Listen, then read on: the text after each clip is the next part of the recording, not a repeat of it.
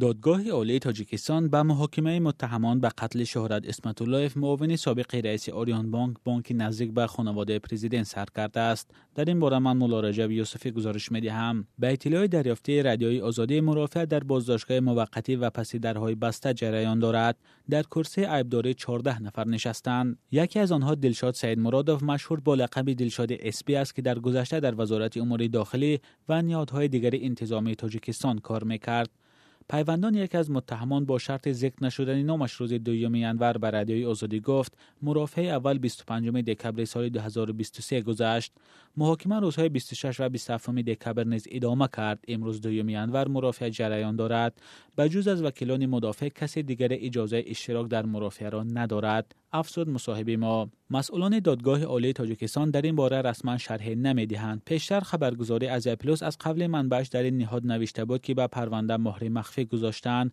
دادستانی کلی تاجیکستان 24 دکبر سال 2023 پرونده 14 گمانبر را به کشتن شهرت اسمت الله به دادگاه عالی فرستاده بود. دادستانی کلی تاجیکستان 24 نوامبر در پاسخ خطی به خبرگزاری از پلوس نوشته است پس از تفتیش پره و خالصانه حالت کار پرونده جنایتی نسبت به 14 عیبدار شونده از جمله دلشاد سید مرادوف سنه 18 نوامبر سال 2023 با تصدیق فکر عیبدار کنی برای ماهیتا بررسی نمودن به سود عالی تاجیکستان ارسال کرده شده است. نظر شخصان بازداشت شده و پیوندان آنها به رفت تفتیشات پیشکی معلوم نیست. روشن نیست که آنها به رفت تفتیشات پیشکی تا کجا راضی هستند. مسئولین دادگاه عالی تاجیکستان تنها آخر ماه نوامبر تصدیق کرده بودند که پرونده گمانبران را به قتل شهرت اسمت الله در دست دارند. ربودن و قتل شهرت اسمت الله معاون اول رئیس آریان بانک یکی از قضیه های در سال 2023 بود.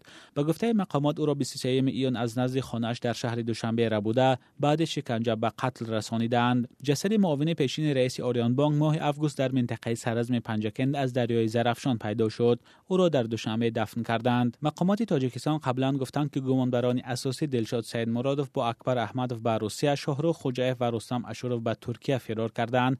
دادستانی کلی تاجیکستان همچنین گفته بود که شهرت اسمت را بعد ربودن چند ساعت در منزل در جماعت چارباغ ناحیه ورزاب شکنجه کرده بعدا کشتند.